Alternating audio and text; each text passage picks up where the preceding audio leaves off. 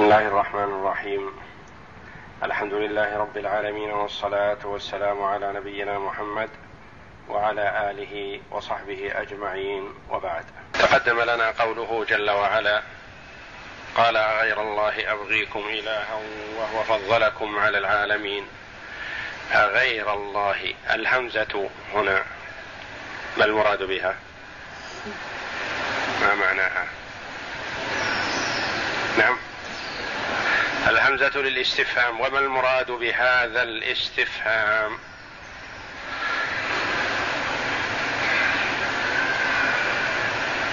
كان زملائك ما هم واقين الإنكار يعني ينكر عليهم هذا القول ينكر عليهم هذا القول. أغير الله أبغيكم إلها؟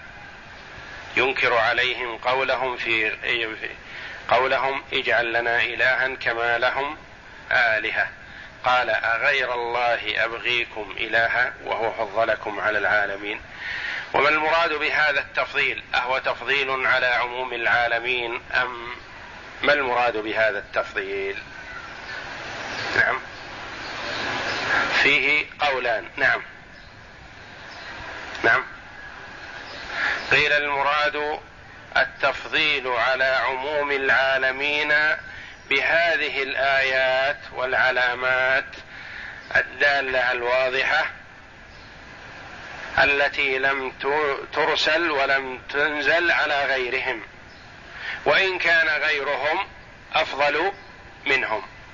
وقيل المراد فضلكم على العالمين أي عالمي زمانكم لأن بني إسرائيل هم أفضل عالمي زمانهم وليسوا بأفضل من أمة محمد صلى الله عليه وسلم. وإذ أنجيناكم من آل فرعون إذ هذه ماذا نسميها؟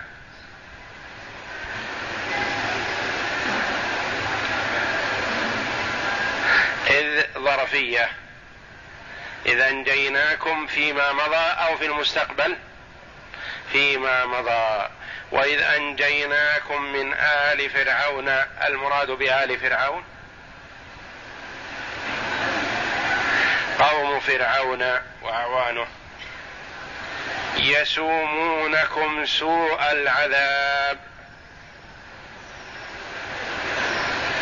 يعني يعذبونكم ويتعبونكم. تعبا شديدا وتعذيبا شديدا.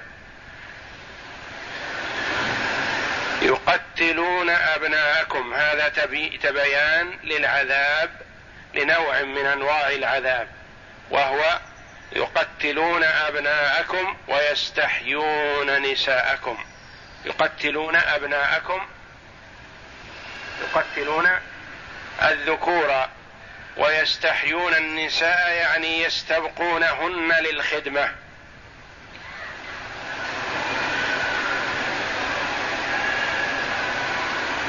وفي ذلكم بلاء من ربكم عظيم. بلاء. بمعنى امتحان واختبار. يختبركم الله جل وعلا بما فضلكم به وبما أيدكم به على فرعون ومن معه.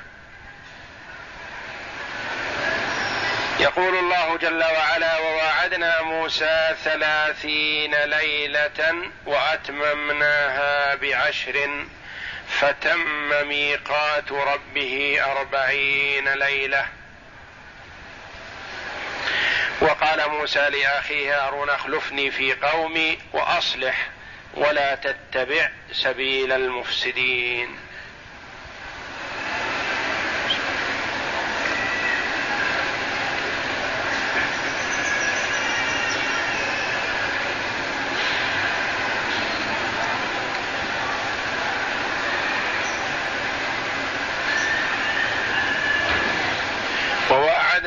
موسى ثلاثين ليلة. وعد الله جل وعلا موسى عليه الصلاة والسلام بعد ثلاثين ليلة سيكلمه. ثم أتم الله جل وعلا هذه الثلاثين بعشر فكلمه بعد أربعين ليلة من هذا الوعد.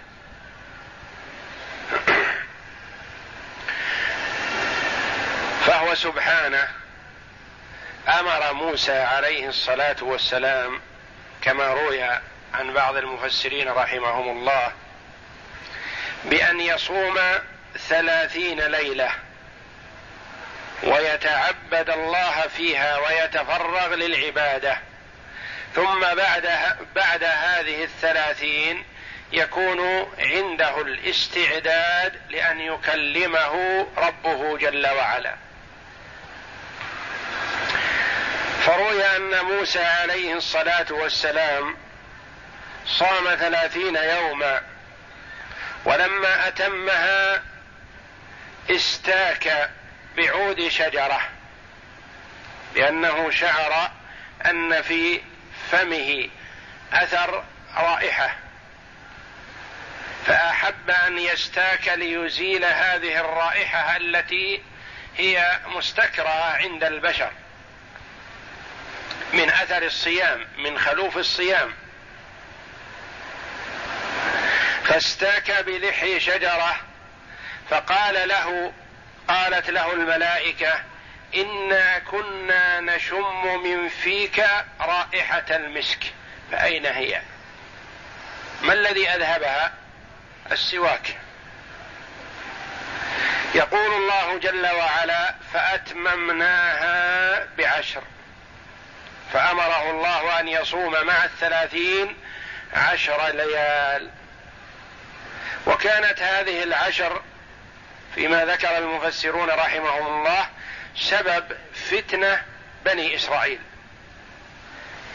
لأنه عليه الصلاة والسلام أخبر أنه سيذهب ويكلم ربه بعد ثلاثين ليلة. فذهب وأكمل الثلاثين ولم يكلم ولم يعد إليهم.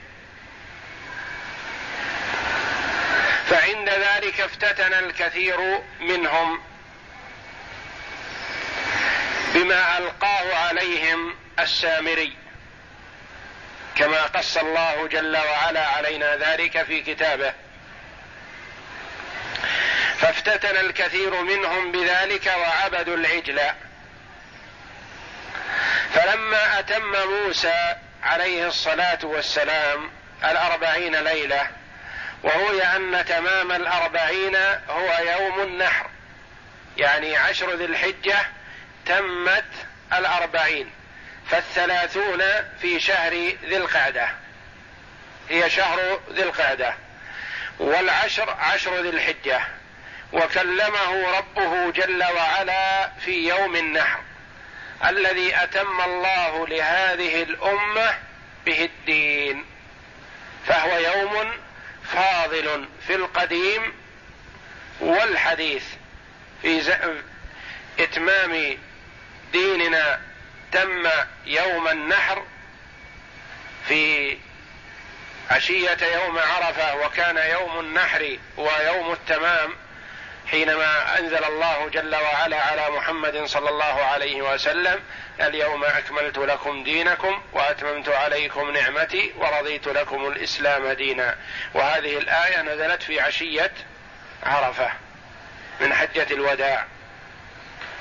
وبعدها لم يمكث النبي صلى الله عليه وسلم في الدنيا إلا ثلاثين ثمانين يوما وشيئا. وتوفي عليه الصلاة والسلام بعد ذلك. لحق بربه فالثلاثون اليوم هي شهر ذي القعدة وأتمها الله جل وعلا بعشر ليال من شهر ذي الحجة. وكلم الله جل وعلا موسى عليه الصلاة والسلام وحينما أراد موسى عليه الصلاة والسلام أن يذهب لمخاطبة ربه وسماع كلامه حينما عزم على الذهاب أوصى أخاه هارون عليه الصلاة والسلام بهذه الوصية. وقال موسى لأخيه هارون اخلفني في قومي يعني كن خليفتي تنوب عني. ارعى شؤونهم ودبر أمورهم واسعى في مصالحهم وما يحتاجون إليه. اخلفني في قومي وأصلح اتبع طريق الصلاح. وإياك أن تشق عليهم أو تسلك بهم الطريق الذي لا صلاح فيه. وهارون عليه الصلاة والسلام هو نبي ومعصوم من الخطأ. كعموم الأنبياء عليهم الصلاة والسلام لكن هذه الوصية من موسى عليه الصلاة والسلام من باب الحرص والتأكيد. وهكذا ينبغي لكل من استخلف خليفة أن يوصيه كما أوصى أبو بكر الصديق رضي الله عنه عمر بن الخطاب رضي الله عنه حينما استخلفه على المسلمين من بعده. اوصاه بوصيته المشهوره ولا تتبع سبيل المفسدين ولما جاء موسى لميقاتنا وكلمه ربه ولما جاء موسى لميقاتنا يعني تم الميقات الذي وقت الله له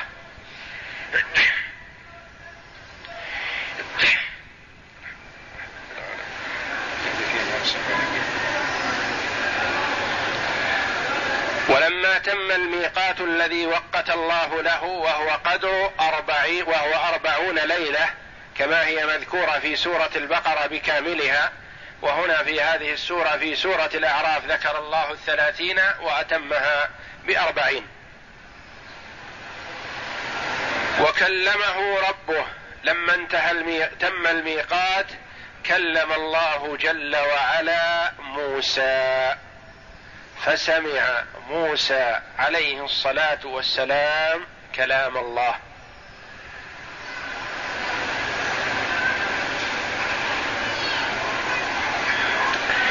فحينما سمع الكلام والكلام صفة من صفات الباري جل وعلا فهو يتكلم إذا شاء ومتى شاء وكلامه يليق بجلاله وعظمته. ولا يشبه بكلام المخلوقين ولا ننفي صفة الكلام عن ربنا جل وعلا فنعطله عن صفة وصف بها نفسه. والناس في هذه الصفة ثلاث فرق طرفان ووسط. وأهل السنة والجماعة وسط بين الفرق الضالة.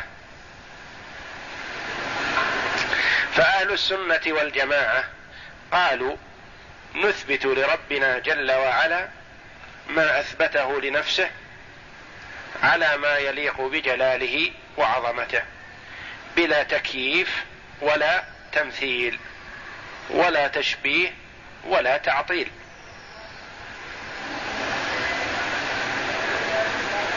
نثبت بلا تشبيه. وننزه تنزيها بلا تعطيل. وهنا طائفتان متطرفتان. طائفة نفت الصفة عن الله جل وعلا صفة الكلام. وقالوا إذا أثبتنا هذه الصفة شبهنا ربنا بخلقه. فغلوا في ماذا؟ في التنزيه. غلوا في التنزيه فعطلوا الله جل وعلا من صفته. وطائفة ثالثة غلت في الإثبات وتجاوزت الحد. وقالت يتكلم مثل كلامنا. تعالى الله. سواء بسواء. فشبهوا الله بخلقه. وأهل السنة والجماعة وسط بين الطائفتين. إثبات بلا تشبيه.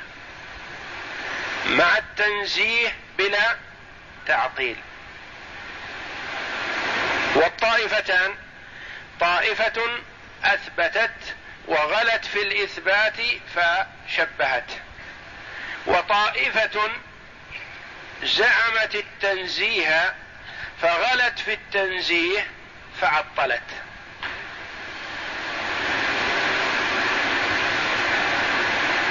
لأن الإثبات مع التشبيه يلزم منه أن يشبه الله بالخلق.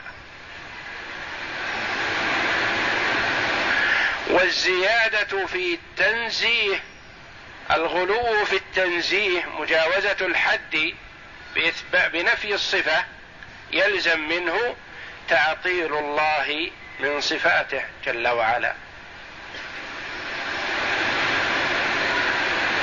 ونحن نقول نثبت الصفة لربنا جل وعلا على ما يليق بجلاله وعظمته. ولا نشبه ولا نعطل. لا نشبه ولا نعطل. فالتشبيه طرف والتعطيل الطرف الآخر وأهل السنة والجماعة وسط.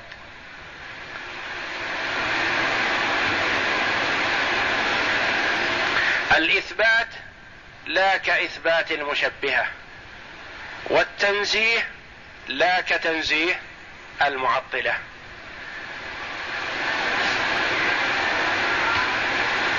ودائما أهل السنة والجماعة وسط في صفات ربنا جل وعلا.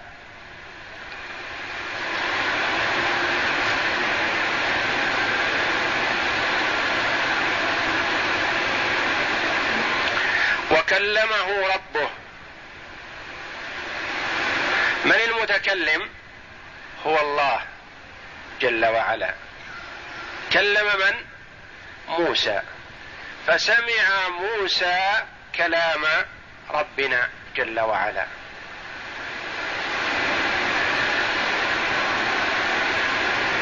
وفي هذه الآية رد صريح على المعطلة الذين ينفون صفة الكلام عن الله.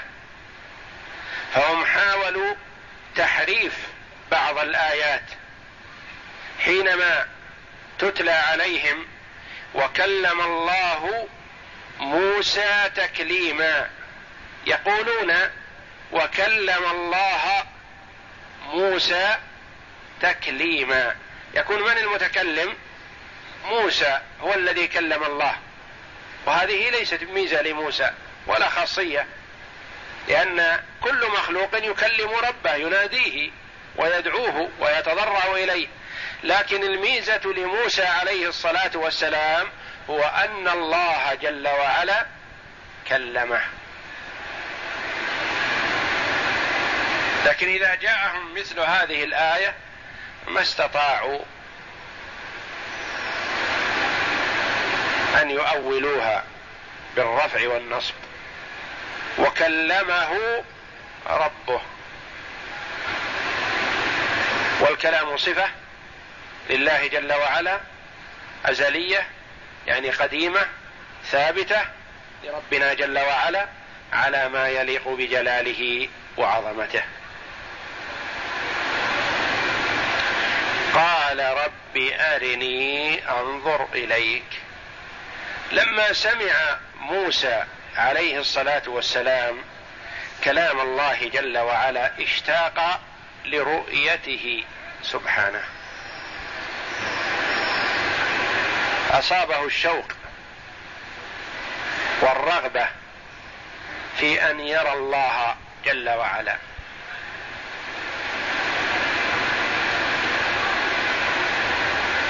قال ربي أرني أنظر إليك. ماذا قال الله جل وعلا له؟ قال لن تراني. لا تستطيع رؤيتي الآن. روي أن الله جل وعلا قال له لن تراني فإنه ما رآني حي إلا مات ولا جماد أو ميت إلا تدهده. يعني إن دك والمراد لن تراني لن هنا لنفي للنفي المؤبد لكن متى؟ في الدنيا. على قول أهل السنة والجماعة. فهذه الآية فيها عدد من صفات ربنا جل وعلا التي خالفت فيها الطوائف الضالة. لن تراني أهل السنة والجماعة يثبتون صفة يثبتون للمؤمنين رؤية الله جل وعلا في الدار الآخرة. وجوه يومئذ ناظرة إلى ربها ناظرة. من النظر. الأول من النظرة والنظارة والحسن. والثاني من النظر بالبصر.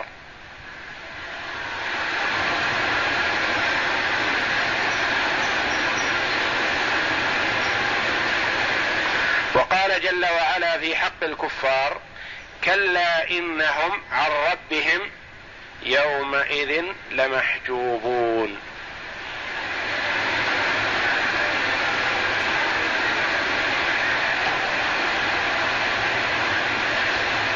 كلا إنهم عن ربهم يومئذ يعني يوم القيامة لمحجوبون. من هم؟ الكفار. فالكفار محجوبون عن رؤية الله يوم القيامة. اذا المؤمنون يرونه وإلا لو كان المؤمنون لا يرونه ما كان جاء في ذكر عذاب الكفار بأنهم محجوبون عن رؤية الله. لقيل إن الناس كلهم محجوبون عن رؤية الله. والنبي صلى الله عليه وسلم أخبر في الأحاديث الصحيحة المتواترة أن أهل الجنة يرون الله جل وعلا يوم في الجنة كما يرى القمر ليلة البدر. يعني أنه لا يحتاج إلى ترائي أو إلى بحث أو إلى اجتهاد في النظر أو تحري وإنما يرى رؤية واضحة جلية.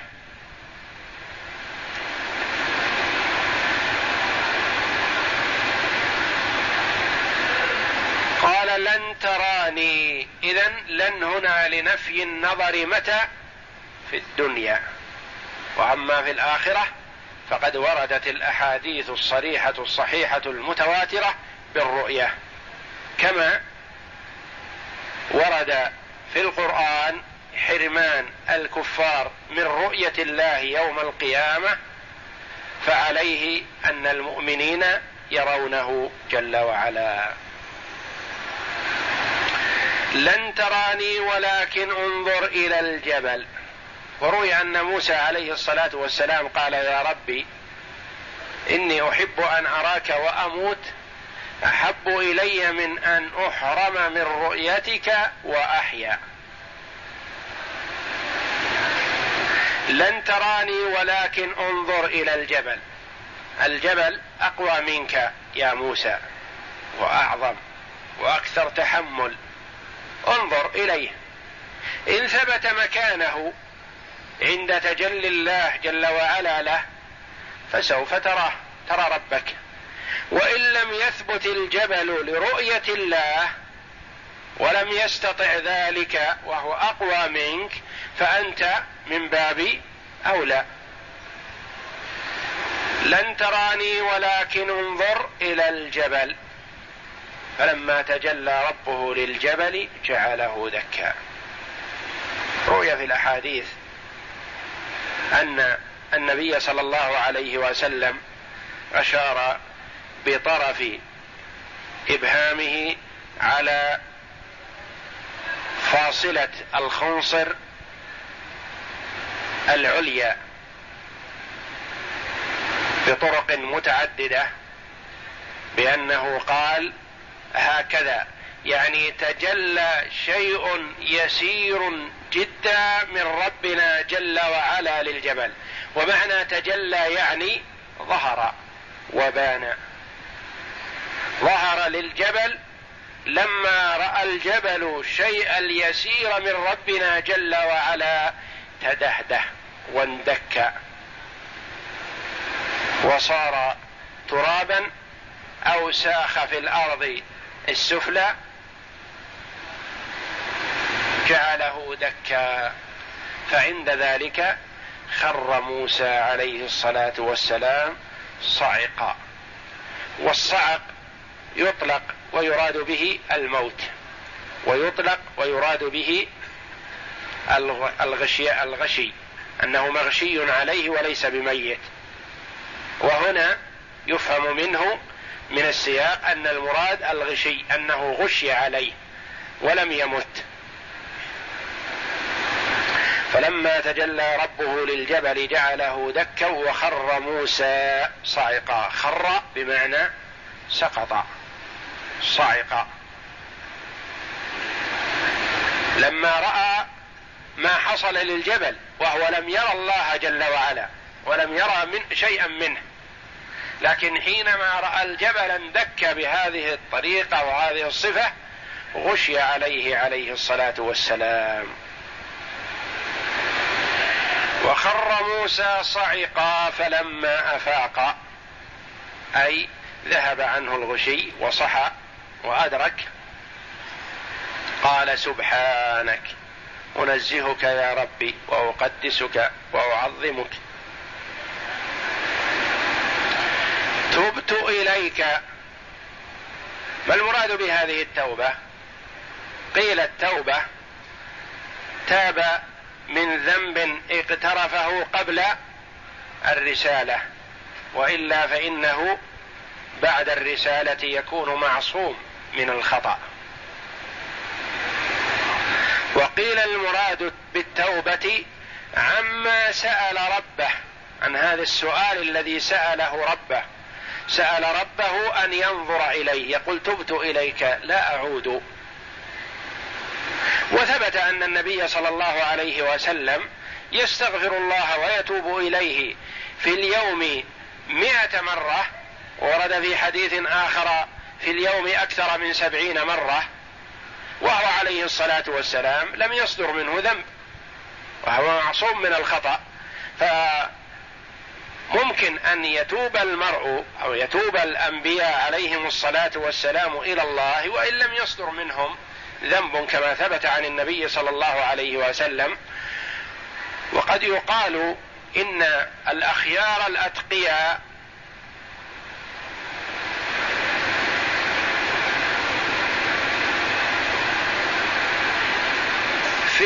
الحسنات من غيرهم تكون إذا فعلوها بمثابة السيئات منهم لأنهم أعلى مستوى. فالمرء قد يعمل الحسنة الرجل العادي يعمل الحسنة. لو عملها غيره من الأتقياء البررة لاعتبرت في حقه كالتقصير. كأنه مقصر. هذه ما تكفي منه. فالأنبياء عليهم الصلاة والسلام يتوبون وكما ثبت أن النبي صلى الله عليه وسلم يستغفر الله ويتوب إليه وإن لم يصدر ويحصل منه تقصير ولكن من باب استقلال عمله وأن عمله لا يليق بجلال الله وعظمته. وكما قال النبي صلى الله عليه وسلم لما في أحاديث كثيرة من ذلك قوله سبحانك لا أحصي ثناء عليك. يعني مهما أثنيت فإني لا أبلغ الحق الذي تستحقه يا ربي. ومهما اجتهد عليه الصلاة والسلام فهو يشعر عليه الصلاة والسلام بالتقصير في حق ربه. وقد قام عليه الصلاة والسلام حتى تفطرت قدماه. قال سبحانك تبت إليك أي لا أعود إلى سؤالك النظر إليك في الدنيا وأنا أول المؤمنين. أول المؤمنين من قومي من بني إسرائيل. أو أول المؤمنين بأن رؤيتك في الدنيا غير ممكنة لأنه رأى ما لم ير غيره ما لم يره الغير رأى اندكاك الجبل. والأقرب أن يقال وأنا أول المؤمنين من بني إسرائيل من قومه الذين بعث فيهم وإلا فإن قبله من الأنبياء ومن أولي العزم من هو مؤمن بالله. كإبراهيم عليه الصلاة والسلام ونوح عليه الصلاة والسلام كلهم من أولي العزم وهم قبل موسى صلى الله عليه وسلم. قال سبحانك تبت إليك وأنا أول المؤمنين. وثبت أن النبي صلى الله عليه وسلم قال لا تفضلوني على الأنبياء لا تخيروني على الأنبياء فإن الناس يصعقون يوم القيامة فأكون أول من يفيق. فإذا موسى آخذ بجانب من العرش فلا أدري أفاق قبلي أم جوزي بالصعقة. السابقة التي هذه صعقها حينما رأى الجبل اندك لرؤية الله جل وعلا.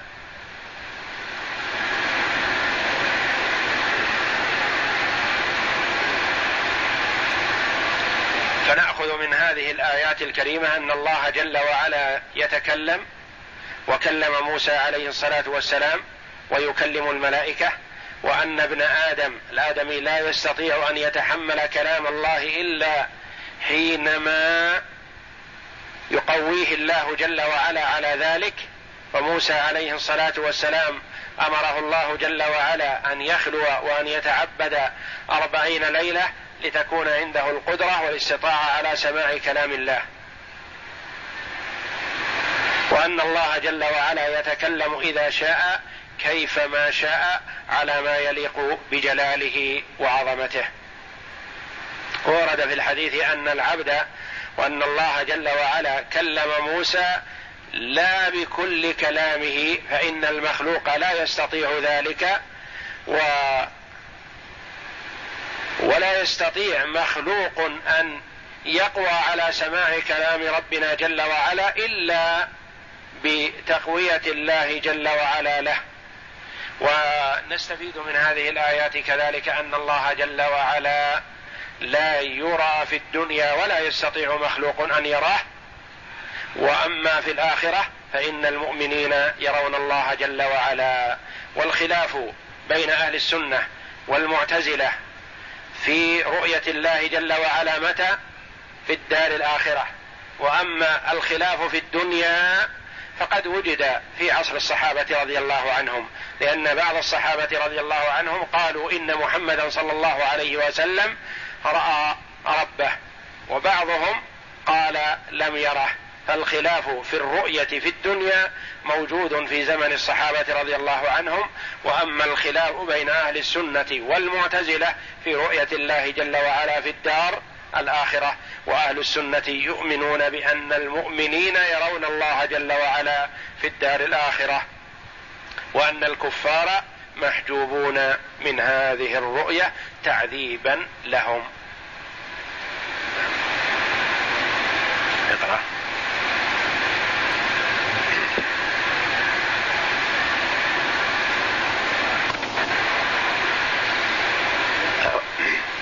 بالله من الشيطان الرجيم.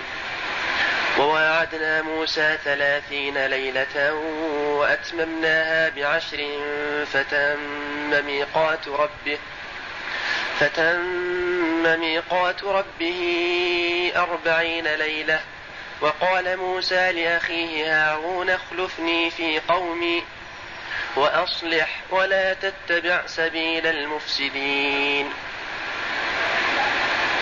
يقول تعالى ممتنا على بني إسرائيل بما حصل لهم من الهداية بتكليمه موسى عليه السلام وإعطائه التوراة وفيها أحكامهم وتفاصيل شرعهم وتفاصيل شرع شرعهم.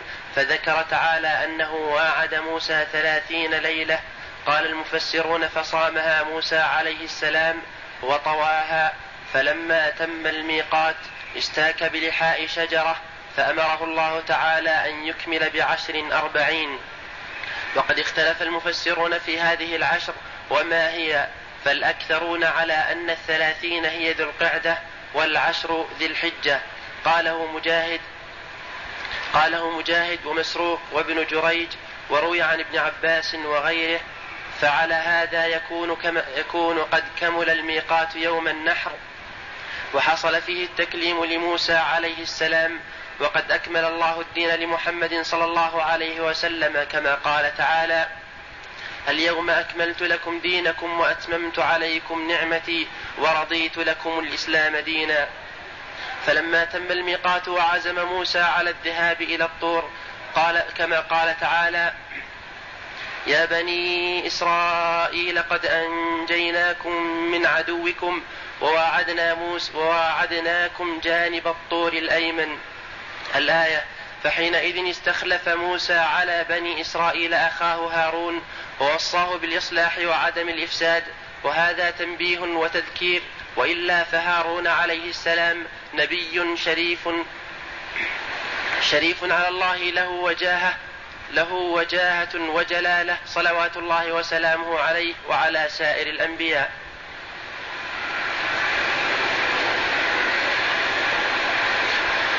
ولما جاء موسى لميقاتنا وكلمه ربه قال رب أرني أنظر إليك قال لن تراني ولكن انظر إلى الجبل فإن استقر مكانه فسوف تراني. فلما تجلى ربه للجبل جعله دكا وخر موسى صعقا. جعله دكا وخر موسى صعقا فلما أفاق فلما أفاق قال سبحانك تبت إليك وأنا أول المؤمنين. يخبر تعالى عن موسى عليه السلام أنه لما جاء لميقات الله تعالى وحصل له التكليم من الله سأل الله تعالى أن ينظر إليه فقال رب أرني أنظر إليك قال لن تراني.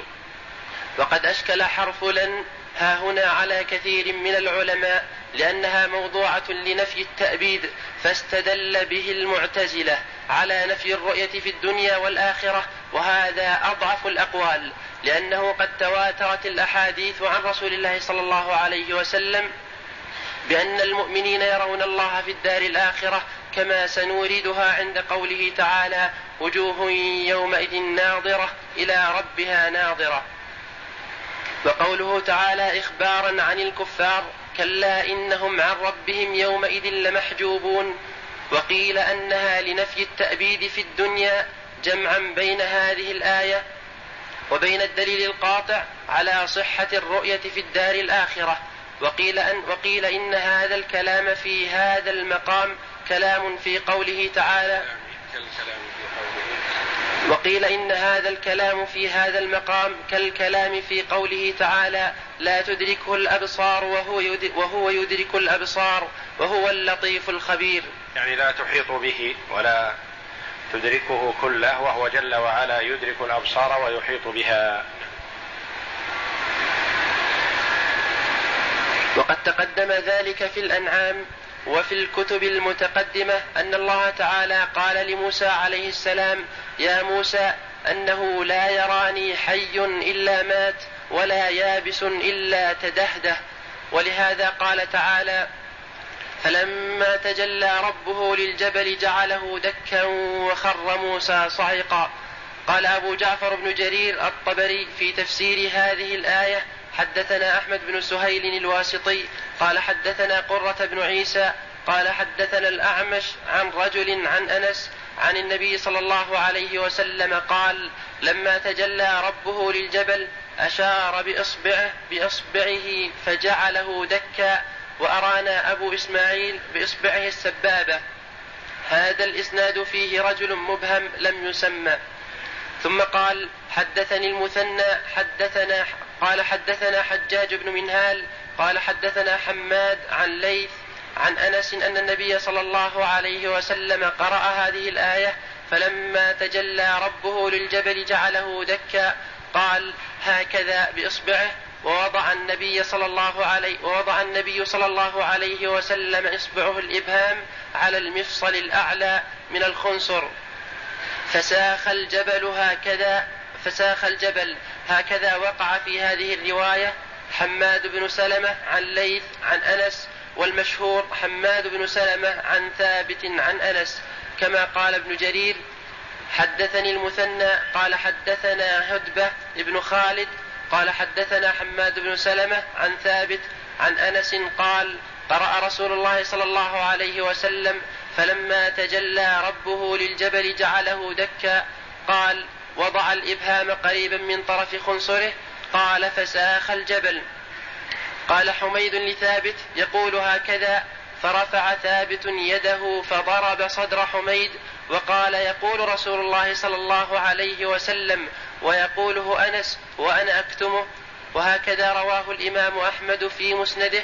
حدثنا أبو المثنى يعني استغرب منه الإشارة هذه فضرب الراوي صدر صاحبه وقال لا يليق بي أن أكتب علما سمعته. فقد قاله أنس رضي الله عنه الذي روى عن النبي صلى الله عليه وسلم قوله فلا يليق بي أن أكتمه أنا. نعم.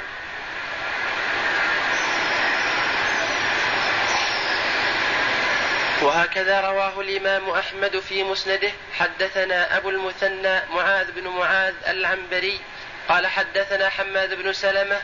قال حدثنا ثابت البناني عن أنس. قال مالك عن النبي صلى الله عليه عن أنس بن مالك عن النبي صلى الله عليه وسلم فلما تجلى ربه للجبل قال قال هكذا يعني أنه أخرج طرف الخنصر. قال أحمد أرانا معاذ؟ فقال له حميد الطويل ما تريد إلى هذا يا أبا محمد؟ فضرب صدره ضربة شديدة وقال من أنت؟ من أنت يا حميد؟ وما أنت يا حميد؟ يحدثني يحدثني به أنس بن مالك عن النبي صلى الله عليه وسلم يقول ما تريد اليه وهكذا رواه الترمذي في تفسير هذه الآية عن عبد الوهاب بن الحكم الوراق عن معاذ بن معاذ به وقال عبد وقال عبد الله بن عبد الرحمن الدارمي عن سليمان بن حرب عن حماد بن سلمة به ثم قال هذا حديث حسن صحيح غريب. لا نعرف إلا من حديث حماد وهكذا رواه الحاكم في مستدركه من طرق عن حماد بن سلمة به.